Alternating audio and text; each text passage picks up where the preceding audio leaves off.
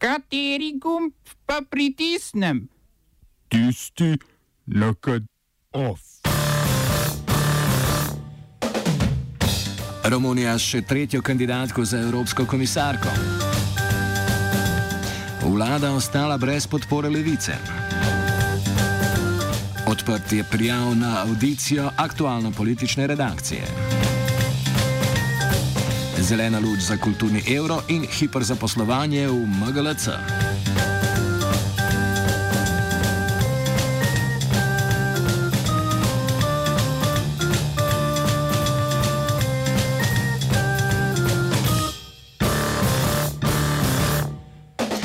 Iran je ponovno začel z bogatenjem urana v centru Fordo. Bogatenje urana na tej lokaciji je bilo ustaljeno leta 2015 v skladu z dogovorom o iranskem jedrskem programu, ki ga je Iran podpisal skupino držav P5 plus 1. To so stalne članice Varnostnega sveta in Nemčija. Po odstopu Združenih držav Amerike od sporazuma pred dvema letoma Iran postopoma razširja aktivnosti jedrskega programa, do zdaj pa ga še ni v celoti ponovno zagnal. Iran prav tako ni povedal, do katere stopnje namerava obogatiti uran. Sporazum Iranu dovoljuje proizvodnjo urana obogatenega do stopnje, ki je primerna za uporabo v jedrskih elektrarnah, ne pa na višjo stopnjo, ki bi omogočala izdelavo jedrske bombe. Iran še vedno sodeluje z Mednarodno agencijo za jedrsko energijo. Včeraj je zavrnil obisk ene od inšpektoric agencije v drugem obratu, druge inšpekcije pa potekajo tako, kot je predvideno v dogovoru.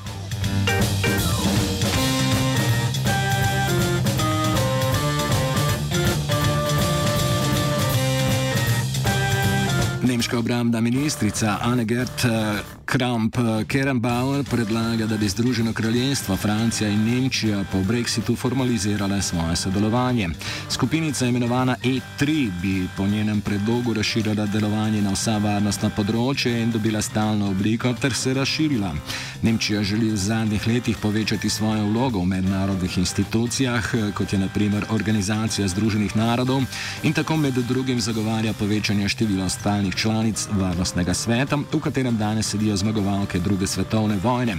Prizadeva pa si tudi, da bi sedež v Varnostnem svetu delila s Francijo, kar slednja pričakovano zavrača.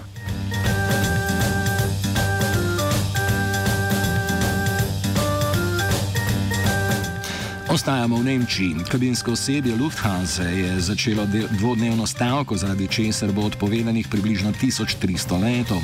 Gre za največjo stavko do sedaj. Z vodstvom družbe se pogaja sindikat kabinskega osebja UFO, ki ne predstavlja zgolj Lufthansa, ampak tudi hčerinske nizkocenovne prevoznike. Zakonito stavke je potrdilo sodišče v Frankfurtu in tako zavrnilo navedbe vodstva Lufthansa, ki je med pogajanji trdilo, da omenjeni sindikat ne more biti sindikalni predstavnik zaposlenih zaradi domnevnih nepravilnosti pri izvolitvi vodstva sindikata. Iz nemškega nacionalnega prevoznika so sicer danes sporočili, da poslujejo uspešno in da so v zadnjih treh mesecih ustvarili 1,15 milijarde evrov dobička, 4 odstotke več kot lani.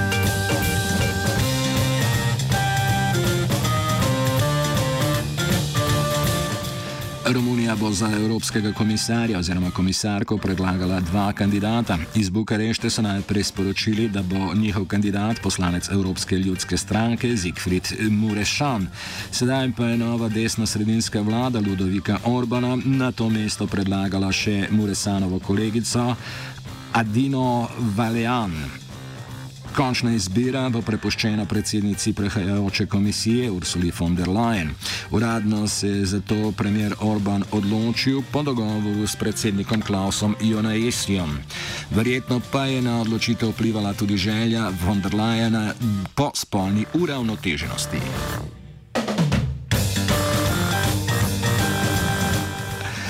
Mednarodno kazensko sodišče je nekdanjemu vodji milice v Demokratični republiki Kongo, Bosku Uhudičan, Gandiju, izreklo zaporno kazen 30 let, kar je največ v zgodovini sodišča. Taganda je med drugo kongovsko državljansko vojno vodil milico domoljubne sile za osvoboditev Konga in uh, v z rudami bogati pokrajini Ituri ob meji z Ljuando. Sodišče je tako presodilo, da je bila milica odgovorna za poboje civilistov, posilstva in rekrutiranje otrok vojakov. Taganda, ki so mu začeli soditi leta 2015, je bil prvi osumljenec, ki se je mednarodnemu kazenskemu sodišču v Hagu predal prostovoljno, v svojo obrambo pa je ustrajal, da je deloval po ukazih nadrejenih.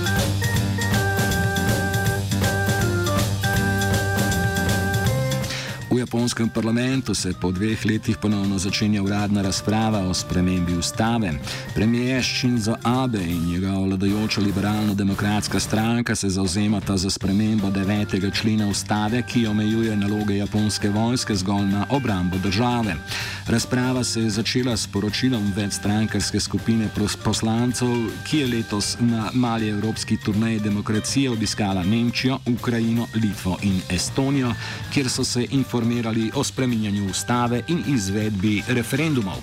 Čeprav je nemška ustava nastala v podobnih okoliščinah kot japonska, torej so jo diktirale okupacijske sile, je bila nemška ustava po vojni spremenjena 63 krat, japonska pa še nikoli. Abejo načrt je sedaj sprememba zakona o referendumu, ki bo omogočila lažje glasovanje. Na to bosta o spremembi ustave glasovala oba domova parlamenta. Tu bo potrebna dvotretinska večina in če bo to glasovanje uspešno, bodo o spremembah predvidoma glasovali še voljivci na referendumu. Oba, če, če bom odgovoril na angliški. Slovenija bo poskušala pomagati. Slovenija bo naredila naš utmost, da bo rekla, da je situacija naš problem, naš. In mi bomo naredili nadaljnje korake, as soon as the conditions are. Bomo vlado Marjana Cererera Šarca podprli. Zelo, zelo resno. Slovenija. We know how and we will. Končuje se nesrečna koalicija, ne koalicija levice in vlade. Odbor državnega zbora za finance je prepričljivo zavrnil novelo zakona o prispevkih za socialno varnost, ki jo je levica predlagala kot del zakonskega paketa za ukinitev dopolnilnega zdra zdravstvenega zavarovanja. O ukinitvi dopolnilnega zavarovanja naj bi že včeraj glasovala tako odbor za finance kot tudi odbor za zdravstvo. V prvem je včeraj zmanjkalo časa in se je se nadaljevala danes. Obravnava na odboru za zdravstvo pa je bila prekinjena potem, ko je koalicija želela glasovanje o devetih amandmajih k predlogu levice. V levici so že včeraj povedali, da dopolnila pomenijo odmik od nameravane vključitve dopolnilnega zavarovanja v obvezno in da zaradi tega ne bodo več podpirali manjšinske vlade ter so sedaj v polni opoziciji. Vrhovno sodišče je potrdilo prehodni odločitvi sodišč prve in druge stopnje, da je ljubljanski potniški promet leta 2013 neupravičeno prenehal plačevati poklicno zavarovanje za voznike avtobusov. Odločitev je razveselila sindikate, ki napovedujejo podobne tožbe tudi v drugih podjetjih. V LPP-ju trdijo, da so do takrat plačevali upravičeni zgolj vozniki pardon, do takega plačila upravičeni zgolj vozniki, ki dejansko vozijo 80 odstotkov delovnega časa in letno prevozijo najmanj 60 tisoč km. Podlago za to so našli v sklepu komisije pri Zavodu za pokojninsko in invalidsko zavarovanje, ta pa temelji na družbenem sporazumu iz leta 1974, ki je bil takrat sklenjen zaradi voznikov kompasa. LPP je s plačevanjem poklicnega zavarovanja prenehal leta 2013 po sprejemu zakona o pokojninskem in invalidskem zavarovanju, ki določa, da bo vlada določila zdravju škodljiva delovna mesta, kar pa se še do danes ni zgodilo. Odločitev komentira Damjan Wolf iz sindikata voznikov avtobusov Slovenije.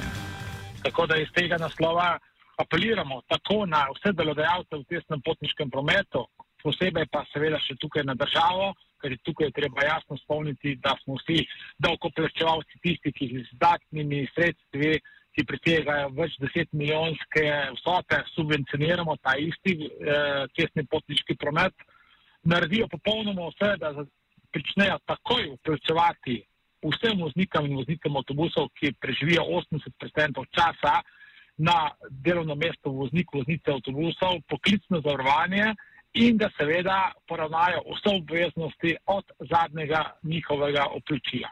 Pokolikor dejansko temu ne bo tako, potem bomo morali tudi v sindikatu voznikov avtobusu, avtobusov uh, uporabiti vsa pravna sredstva, da dejansko zagotovimo našemu članstvu to, kar je dejansko že vrhovno sodišče s to sodbo v primeru Ljubljanskega potniškega prometa več kot potrdilo.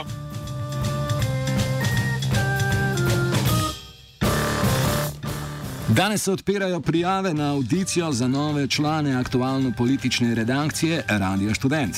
Prijave sprejemamo do 18. novembra. Za prijavo pošli kratek življenjepis in do 510 dolg komentar poljubnega družbeno-političnega dogodka na audicija.apr.afna.radiostudent.si. Ponavljamo, audicija.apr.afna.radiostudent.si.